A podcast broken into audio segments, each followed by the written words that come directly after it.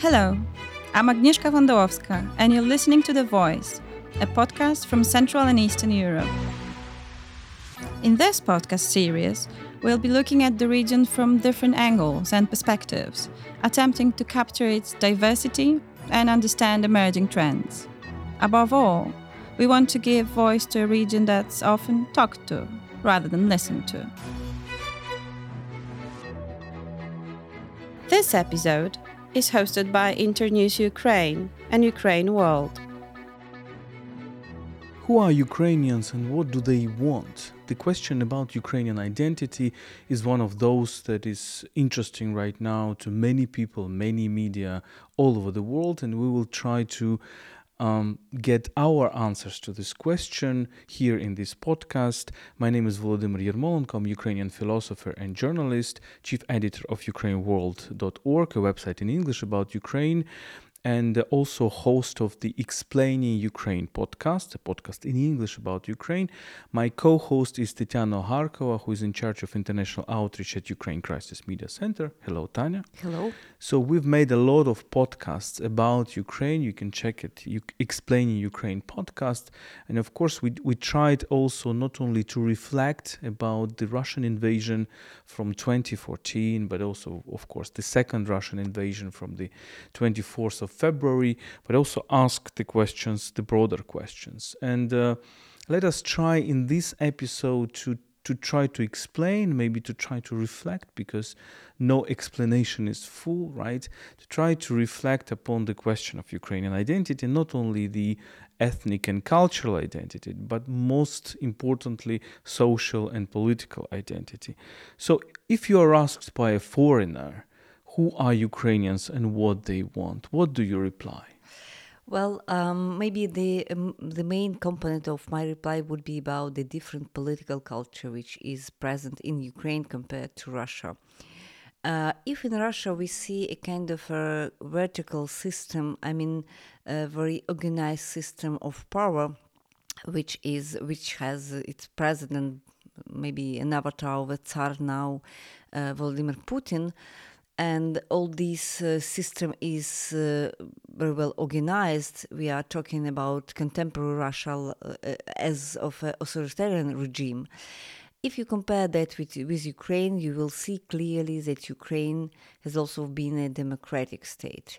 Despite all the problems we've had, uh, we are we have this horizontal links in the society and the political world as well, and Ukraine is very much characterized by these horizontal ties between people inside society. So, very strong civil society uh, and very competitive political uh, class as well. And even we can consider our oligarchs, our big problem we had before this invasion. Uh, oligarchs, we had the competition between oligarchs. So, and it explains, at least partly, the success, if we can call it uh, like that, the success of Ukraine during this first period of Russian invasion, when uh, in one moment people were able uh, to defend their own country, to resist, even if professional structures, I mean, uh, vertical structures, it because not only army was engaged but also territorial defense was engaged which was a kind of a civil army organized shortly before the war. But at the same time the whole society was able to uh, to organize the defense in a way uh, for it to become uh, effective. I mean all the all these horizontal links they played their roles. I mean i mean we traveled a lot uh, in, in, inside Ukraine during the first weeks uh, of the war. First of all, we were we were fleeing to the west in order to secure our children, but then we were traveling to the east as well, and we observed a lot of. Um, a lot of initiatives on the ground. Each village organized its own uh, self defense, its own barricades, its own system to defend and without waiting for kind of orders coming from from I don't know from Zelensky or from from commanders, uh, people were able to act as if they were responsible for what was going on, and uh, we, if you observe what's happening now, maybe the last thing I'll say now. mm, and uh, you'll continue. Um, we receive now in Ukraine a lot of calls on a hotline uh, from the families of Russian soldiers. There is a uh, on, uh, te- telephonic line for that, for people who who are trying to find their sons or their husbands, etc. And the common response, there is a dialogue for sure, and the common response of Russian families is that even if they are against this war, they say we are small people we can do nothing. We can change nothing. So this is an attitude which is uh, uncommon in ukraine because we all are small people so we are not all presidents here. But uh, i think our feeling is that ukrainian feeling I mean, political feeling, political culture, is that everybody is important and you can change things in your place where you are and whatever you are doing. I think you're absolutely right. This political, this uh, particular trait in Ukrainian political culture that uh, you do not expect orders. You you you are not ac- acting by orders. Very often you are acting against the orders. And indeed, uh, it is remarkable what you mentioned that in the first days of the Russian invasion, uh, these territorial defense units were organized just just like miracle on the 24th of February, of 25th, in every single Ukrainian village. And uh, people who were evacuating, for example, uh, on the 25th of February, are telling us that, look, we were going to the central and western Ukraine, and suddenly we, re- we realized that after one day of invasion, every village has its barricades, every village has its, uh, its people with Kalashnikovs, every village has uh, its territorial defense. Let us reflect about the origins of this. My hypothesis is that it is precisely because Ukrainians lacked statehood for, for, for, such a long time.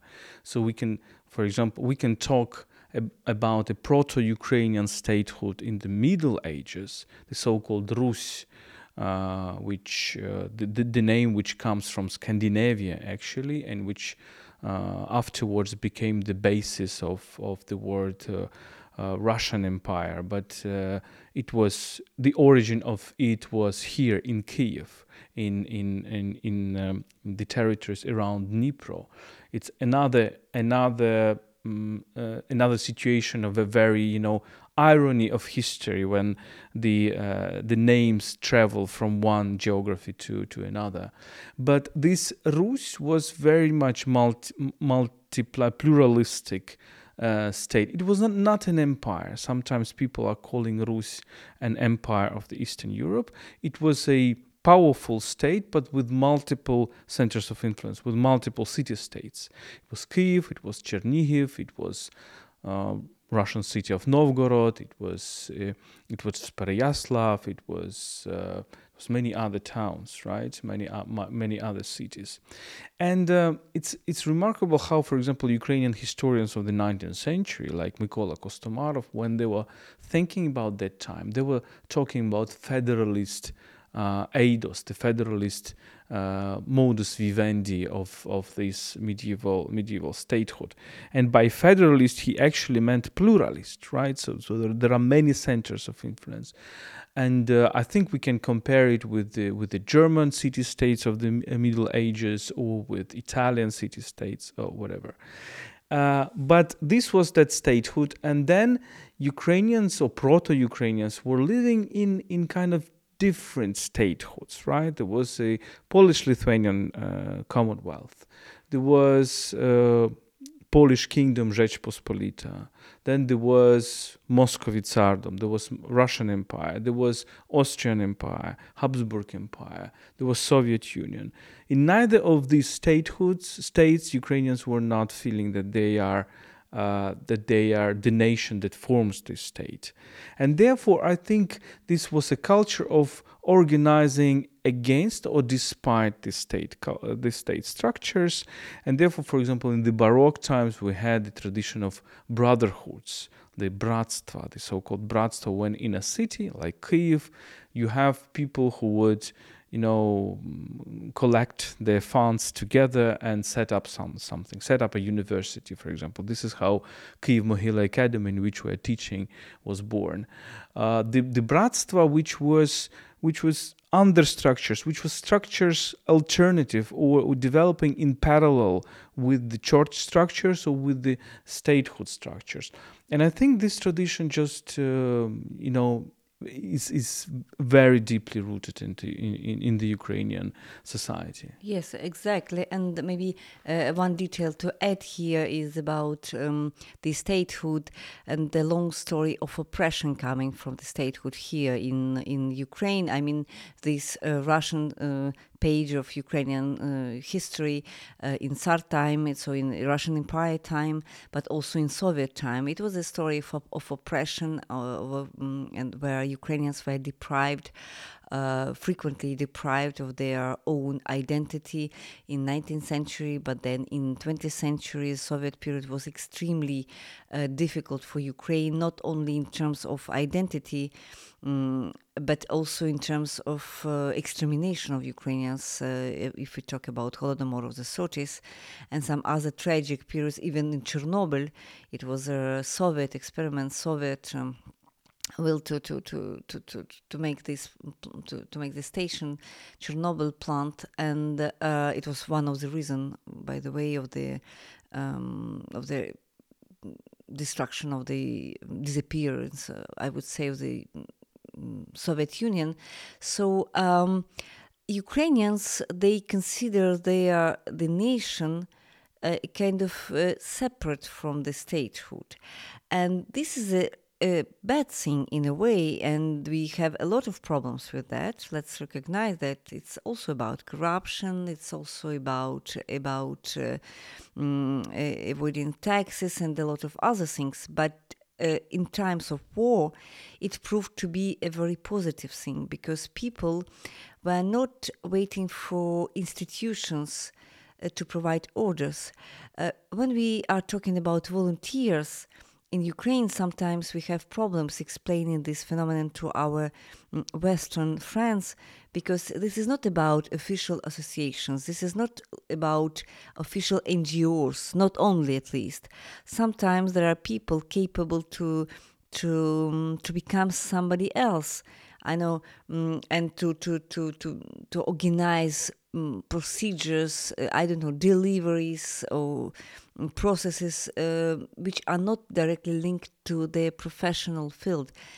And uh, this proved to be effective uh, at times during this invasion. So, this horizontal horizontal ties in the Ukrainian society, very strong civil society, is maybe the first characteristics of what we call Ukrainian identity today. Yes, and uh, of course, this attitude to power, to authorities, as something hostile to you, hostile to citizen, hostile to a community, something you, you play with, something you probably has to, you know, you battle with, is also deeply rooted. And you're right that in peaceful times that's a huge problem. Uh, because Ukrainians seems that they, we are not identifying ourselves with state in- institutions. We're rather uh, considering any state institutions as occupation authorities. But this is a weakness sometimes, but sometimes it is a strength because, uh, as as we said, uh, well, uh, the, the the level of subjectivity of agency of a, of a, of a typical Ukrainian citizen is much higher, I would say, than the level of agency of a Russian citizen, because a typical Vox Populi interview that we see uh, sometimes on with with Russian citizens on uh, still on on media on independent media is that that you mentioned if if you ask a Russian citizen do you do you support this war? Uh, he or she would say most most typically that I don't know I have no opinion I'm not interested in politics but if uh, the, the the the boss Putin decided that there should be a war then they know better than me yeah typical Ukrainian response would be, "I know better than any authority. I know better than I know Zelensky. I know better than Zelensky what to do. I, I I'm more competent than they are." So this kind of a, a little bit of anarchic spirit which of course sometimes is very disturbing. But uh, again, this is this is the germ of of that f- feeling of freedom which is present in the society. It, it it doesn't mean that it is everywhere. The our sociology says that there are a lot of people with this paternalistic also mode of thinking that uh, still wait for something from the state or blame the state for for anything and by the way russian propaganda russian pro-russian parties which were acting uh, in Ukraine before this invasion, Medvedchuk or others, they were really playing on the feeling of those people. Uh, because their major message was the conspiracy message, the, the, the message of conspiratorial propaganda.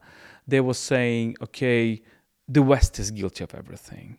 You are small people, you do not do not decide anything, but there is a conspiracy of powerful players who will decide anything uh, for you, and the key players are, of course, the kind of uh, Western Western conspiracy, America, United States, NATO, whatever.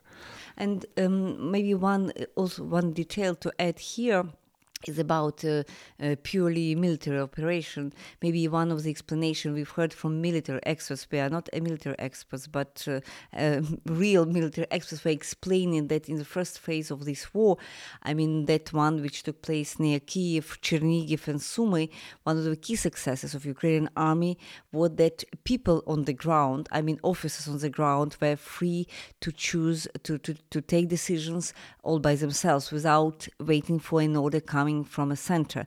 And they knew better because they've been on uh, there was a huge mess you can imagine. So uh, we were not ready for the war. Nobody w- was really ready for the war because it seemed to be c- something something something virtual something irrealistic something a hybrid, but not real, not real war like Second World War with tanks, helicopters, uh, uh, missiles, and so all that, that things. And so people on the ground were given uh, initiative, so the, the, right to have initiative in the place, and it explains partly the success of this uh, of this resistance in place. So it is also important. So it's not a, a war when politicians like like Putin, he commands his own army and he uh, he um, makes them act in with a political um, political objective, not military one, and that explains in, um, also partly their defeat uh, sometimes because uh, you cannot succeed military if you have only political objectives and you don't hear your own generals or your people in, on the ground who explain you that this is not impossible, this is impossible, or this is risky, etc., etc. He has, for example, this political goal to dismantle Ukraine in two days, and even if generals say that it would be extremely difficult to do so, political will is here, and everybody um, receive this order and they act accordingly, and it explains uh, partially their defeat. I think you're right. This there is a, uh, some kind of a very practical wisdom that uh, Ukrainian citizens, many Ukrainian citizens have, and I think it is related to the fact that uh, structurally, sociologically, uh, when when I'm talking about Ukrainian, this Ukrainian wisdom, it's not a theoretical wisdom it's not a, a, a, wisdom of people who, who read a lot of books. It's not a wisdom of people who are, you know, capable of, you know, earning money on uh, on uh, financial operations or whatever. It's really the, the wisdom of people who are peasants, who are mechanics, who are builders, who are constructors, who are, uh, you know, taxi drivers, uh, who really know how to make very practical things done who know how to um, how to repair a car. How to repair a tank if you've never done that but you just you were repairing cars and you are easy so you are you you learn quickly and you you are you who, who are very creative who are very creative who know how for example when they have a weapon and there is a certain application to this weapon but they can try to do it in another way. For example, to use anti-tank weapon, anti-tank uh, system against the helicopter. airplane, against the helicopter, helicopter that, happened, that we, it happened we have at seen. least several times. Yeah, right, or who are able to really find a way out of a very difficult situation, and uh, this is also related to the fact that Ukraine is not a post industrial society. Sometimes we hear the interpretation of you know, uh, our scholars, uh, people we, we, we, we all respect, of course, but I think they kind of try to apply this Western model of society over the Ukrainian model of society, saying, for example, that revolutions, the Orange Revolution, the revolution of dignity, was made by a middle class. Uh, or that uh, Ukraine is a post-industrial, service-oriented society. I think it's it's not true because if if if really these revolutions were made by a middle class people of the cities people of the the uh, the uh, white collar workers uh, or I don't know the the office workers they will not be able to, to to make these practical things and they will not be able to stand for so so much time. They, they really have Ukrainians really have this strength of standing of suffering maybe very ascetic mode of life. Uh, the ability to to be very ascetic, eh, to uh, the ability to survive through very difficult circumstances, and, and the ability to make things, to repair things, to reuse things. I would call that uh, that Ukrainian they live in in the reality and not in real world, but not in the digital one. You know, they are even if um, a lot of people uh, experts say about uh, about high tech in Ukraine, about uh, programmers from Ukraine, which have they have also their own reputation, but maybe the core of the nation, which explain the core of the resistance now, they people who can do real things in in real world not not not digital it's not digital culture. And who knows the price of of real things how to repair a car how to make it function how to to to find uh, mm, find the positions how to to to treat people how to to, to treat wounded people uh, how to work in hospitals all these kind of professions which are now very much demanded because uh, the war is about that. Unfortunately, this war is a real one. It's not the war we imagined uh, a couple of years ago. We were in war for many years already, from 2014, but we, we were talking a lot about hybrid, hybrid aggression. So we are in a kind of illusion that uh, this is not interesting. Nobody will will create a kind of this uh, 19th century or 20th century style war now because this is stupid. But the problem is that Russia started this really stupid war in the style of 19th and 20th century. So they're advancing with real tanks. They're using artillery as they were using in the Second World War. So it looks uh, it's, it's the same thing. So and um, I, I I I think that a lot of Europeans let's imagine, I don't know, French people, I don't know, Germans, in the place of Ukrainians, they would be not ready for such kind of violence. I, I mean, real violence, and it it necessitates a kind of a real reaction. I mean, reaction in in this uh, real world. Yeah, so this practicality is, is, is, very is a very interesting thing. This war is done not by intellectuals, not by uh, opinion leaders. Uh, many opinion leaders actually went went to the front line. Uh, people like us, uh, yeah, we are doing a lot of information, intellectual work, but uh, the country can survive without us. I yeah, think. Sure. And therefore, everybody understands it, and therefore, poets, uh, writers, philosophers are either on the front line or doing volunteer work uh, like we do. Um, because the, the, really you, you feel like a big organism, right? Uh, and and uh, buying things for the front line, helping people there, and uh, repairing things is, is is so much important. So really, Ukrainians are, I would I would say, to summarize uh, what we have been talking about before, this anti-tyrannical spirit is very important. So Russian Russian political culture is top down, Ukrainian political culture is bottom up. Uh, and it was always there. It was there in the 19th century when Ukrainian key Ukrainian intellectuals were discussing the key concept of Ukrainian, this self-organization, which is hromada, which which we, we might translate as community, what we can also refer to as a kind of a option that these Ukrainian intellectuals like Drahomanov, they were actually translating the ancient Greek uh, concept of polis. This is something we don't have also in Russian culture because Russian Russian concept of община also community is is um, is very different i think because it is a strength on the communal against the individual, uh, something where you have opshi, uh, the, common. The, the, common. But in the concept of hromada, you have diff- you, you have different. You have uh, this um, valorization of both communal and individual, and I think it's it's very important. Maybe um, another another important uh, mm, mm, characteristics of this Ukrainian identity of modern Ukrainian identity is the dynamics of the process. Look, uh, three years ago, uh, Volodymyr Zelensky, who was an actor, became president of this country, and you can mm, could not imagine such a such a professional um, professional path uh, in in any other country. So um, he became a president, and uh, we lived uh, many years abroad when we were students. And what we've noticed here, the dynamics in the careers. You can be easily easily boss when you're in your 30s. You can easily start, start your business when you are still young.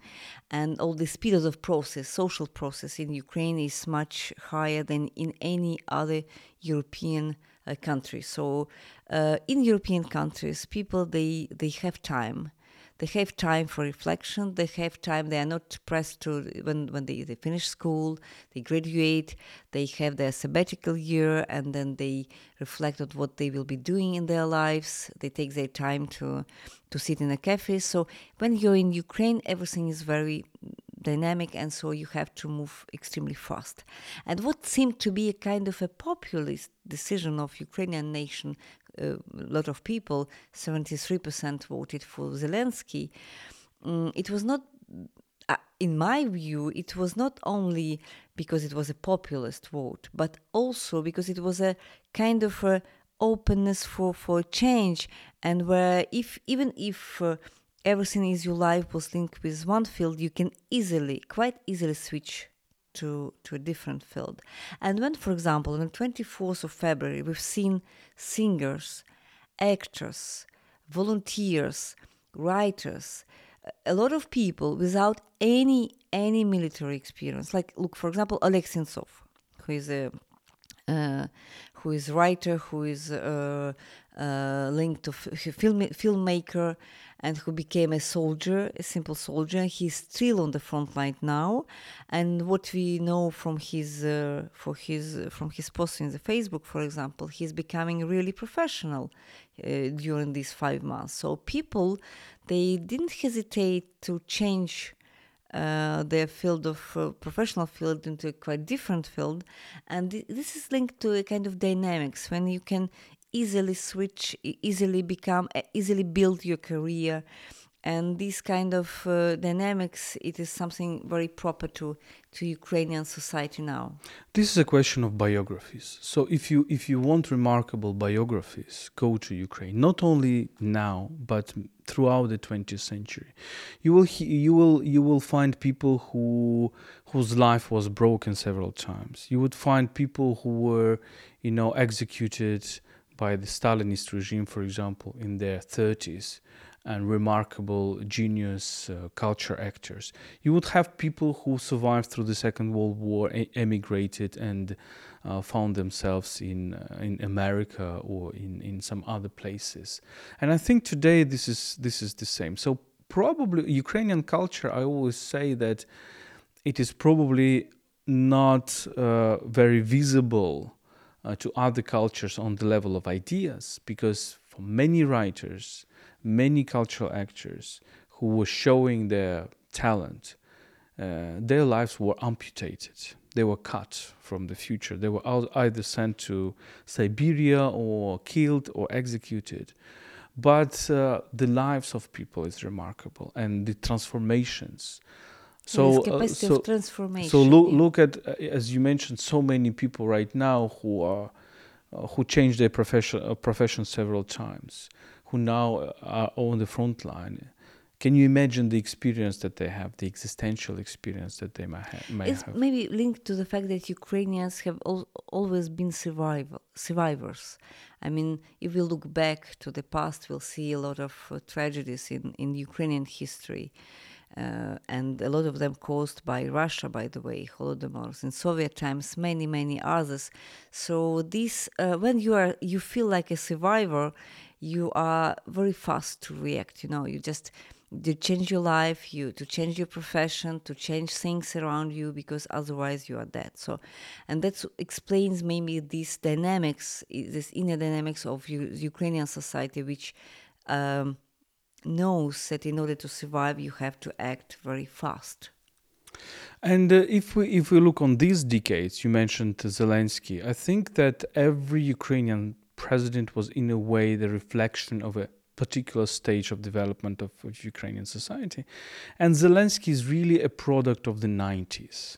And the 90s, so it's it is probably the first really post-Soviet president, post-Soviet leader in Ukraine, whose youth was in the 90s, and uh, he's of our age, for example. So he's in his early 40s, and we understand what was the 90s. I would say that the 90s was a period of a total collapse of a system and. Uh, lots of opportunities. So I would say that people who were successful in the 90s tend to believe that impossible is nothing and Zelensky, I think it's he, he comes from this category of people.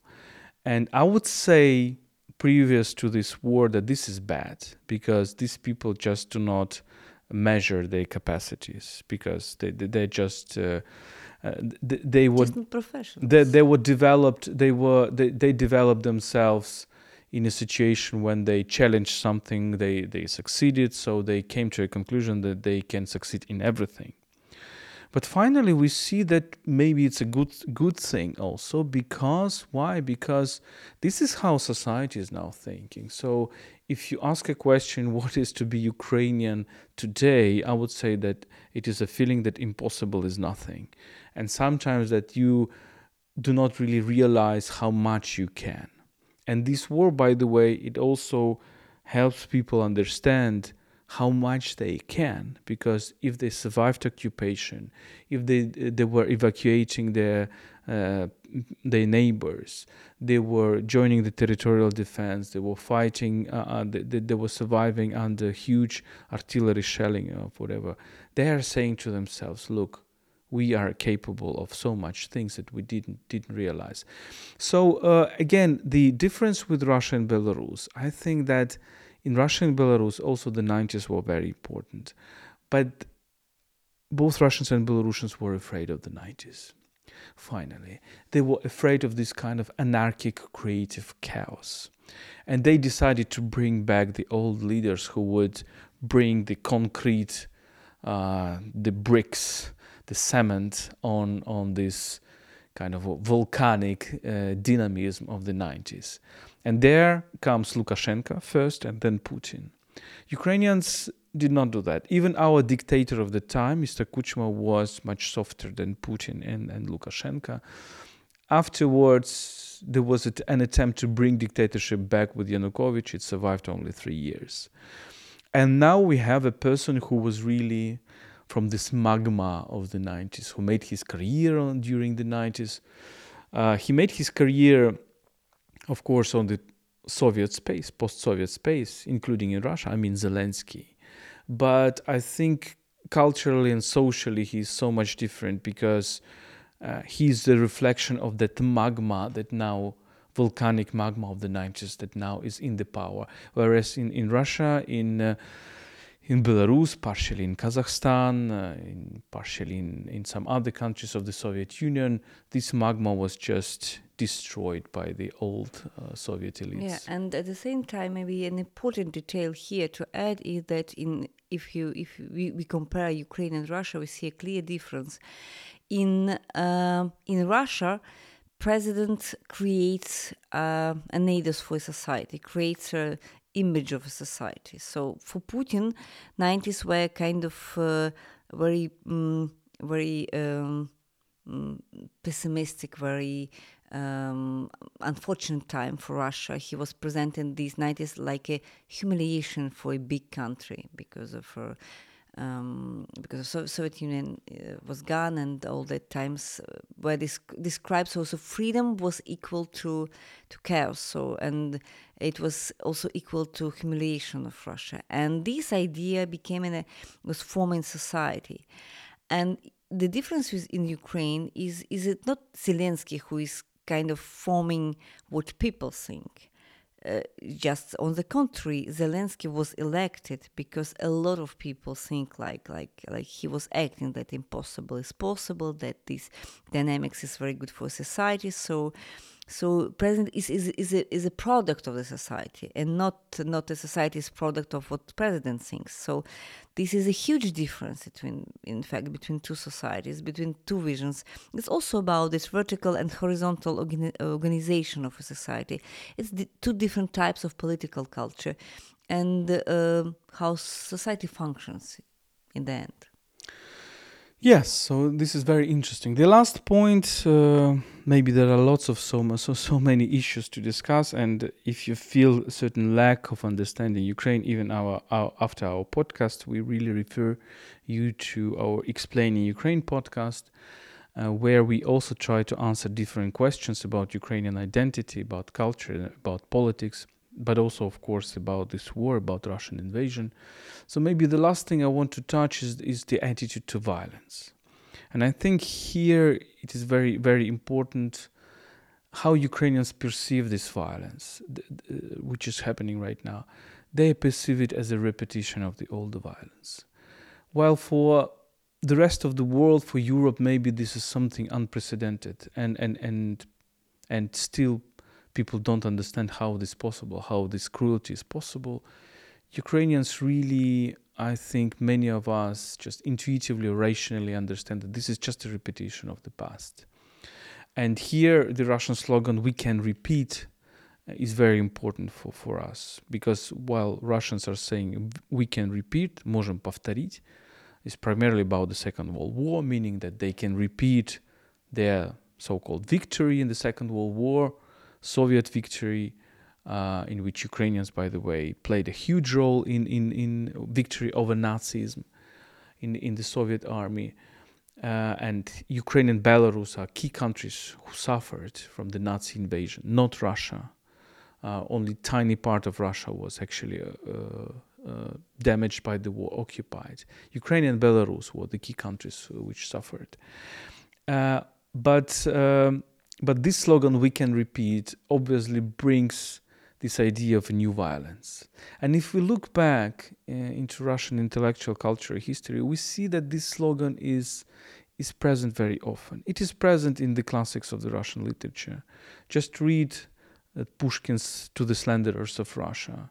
There is, by the way, a, a, a poem made after the Polish re, uh, Polish revolt in the Russian Empire of 1830, 18, 1831. Uh, there, there is a clear uh, warning, uh, a threat even. He is really threatening Europe that we can repeat, meaning that they can repeat uh, the, the, uh, the Napoleonic Wars, for example. Or read Tyutchev, uh, another famous Russian poet, and his text about Russia and revolution in 1948, when the Central Europe, for example, was full of revolutions, the so-called springtime of the peoples, and we see how Russian intellectuals were so much hostile to it, to all these democratic movements in, in Europe, and uh, it was clearly also Tyutchev hinting that Russia will crack down all these revolutions, all these democratic movements. So I think if if you read uh, text from the Ukrainian culture, for example, I'm now reading a novel by Vasil Barka, who is a famous Ukrainian writer. His novel about Holodomor, which you mentioned, which is called The Yellow Prince. It exists in French translation, not in English, unfortunately. But you just understand when you read the scenes when these uh, Communist Party people were entering each particular house of a Ukrainian peasant and taking all the food which was in the house, all the food, even the food for kids, even the food for babies. They were literally taking everything out to make people starve. you just understand that this is this current invasion in a nutshell, in a microcosm. So you, you see this attitude to violence, which is maybe this uh, to live in violence, uh, in violence that is uh, that is that is coming from outside, and by saying and and and a, a kind of a willingness to get rid of it finally, to liberate from it. Yes. Yes, and this issue of violence, I, I do like your argument here because it's it's quite uh, vital and uh, for us. But at the same time, it's also attitude to time. What, so when Russians say that we can repeat, we can reconstruct, there are a lot of reconstructions in what they are doing now, a lot of allusions to the past. And sometimes we just ask a question, but what, what this voice for? What is the project? And there's some difficulties because they are trying to repeat the story, to, re, to restore this big empire, but the, the project coming from the past. They don't have real ideas for the future. And in, in Ukrainian history, We've talked about that many times, but let's repeat it now. Ukrainians, we, we will never say let's repeat because our history is full of these horrible episodes, horrible um, times, and uh, a lot of human suffering. So Ukrainians did everything to forget about the past and to construct a future, a different future, a future which will have nothing to do with all our traumatism in the past. So Ukrainians were about political project, I mean social project. They are about future. And when Ukraine chose Europe as its future European Union, this modern story of Ukraine started with the revolution of dignity of Euromaidan.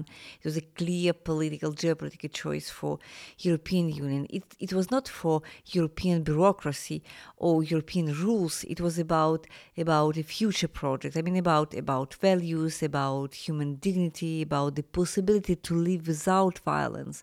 It was also about security.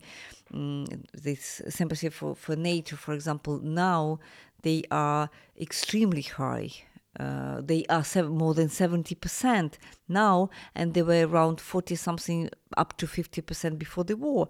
So we are progressing quite quickly. So Ukraine is trying is, is trying to to imagine a future and was al- always trying to imagine a future.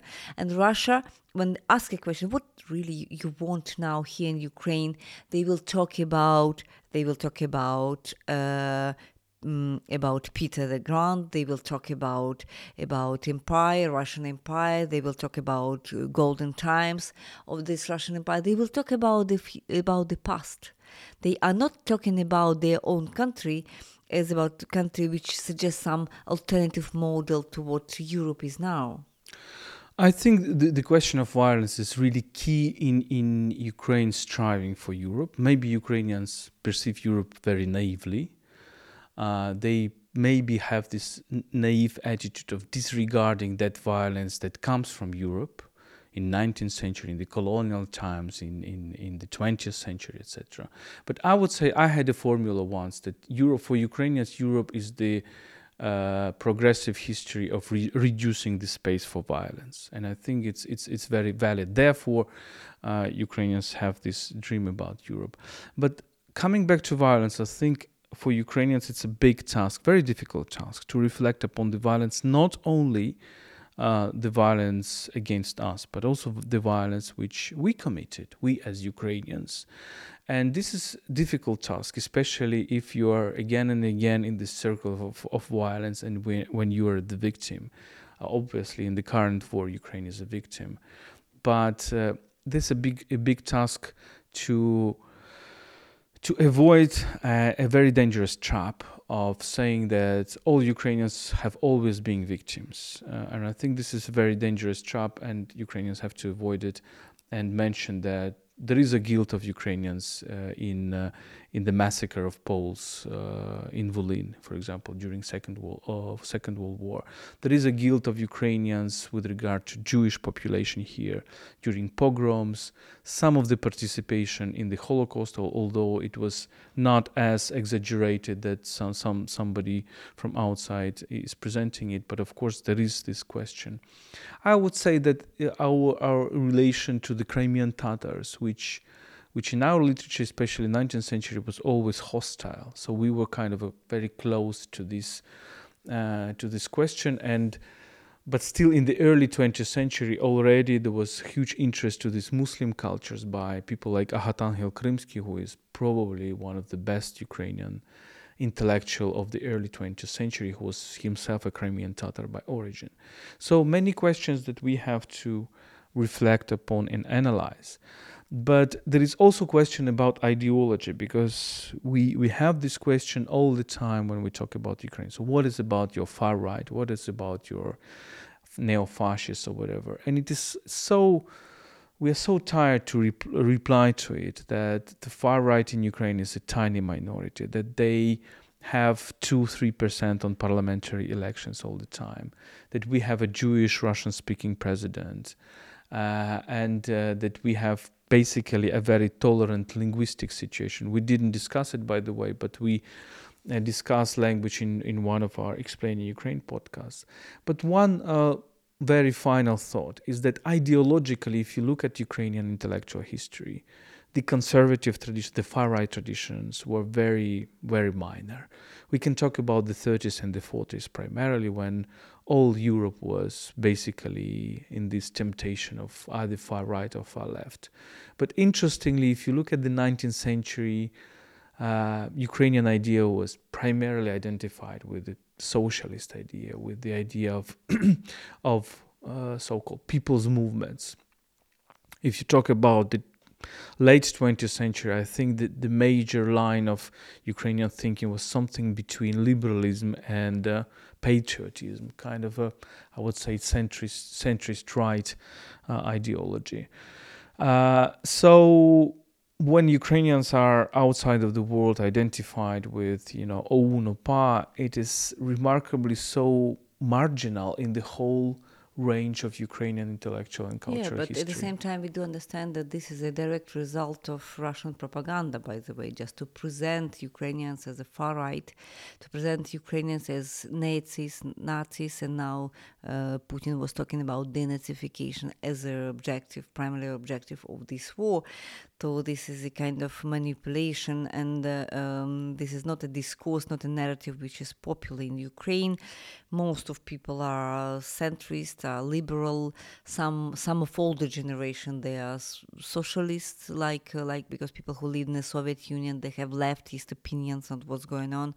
So I would not say that this far right represents any kind of important political political force now in Ukraine, and such a pity. Really, we are really trying to explain that dozens of times, starting from 2014, because uh, these discussions they started in 2014 when Crimea was annexed. There was annexation of Crimea and the partial occupation in Donbass.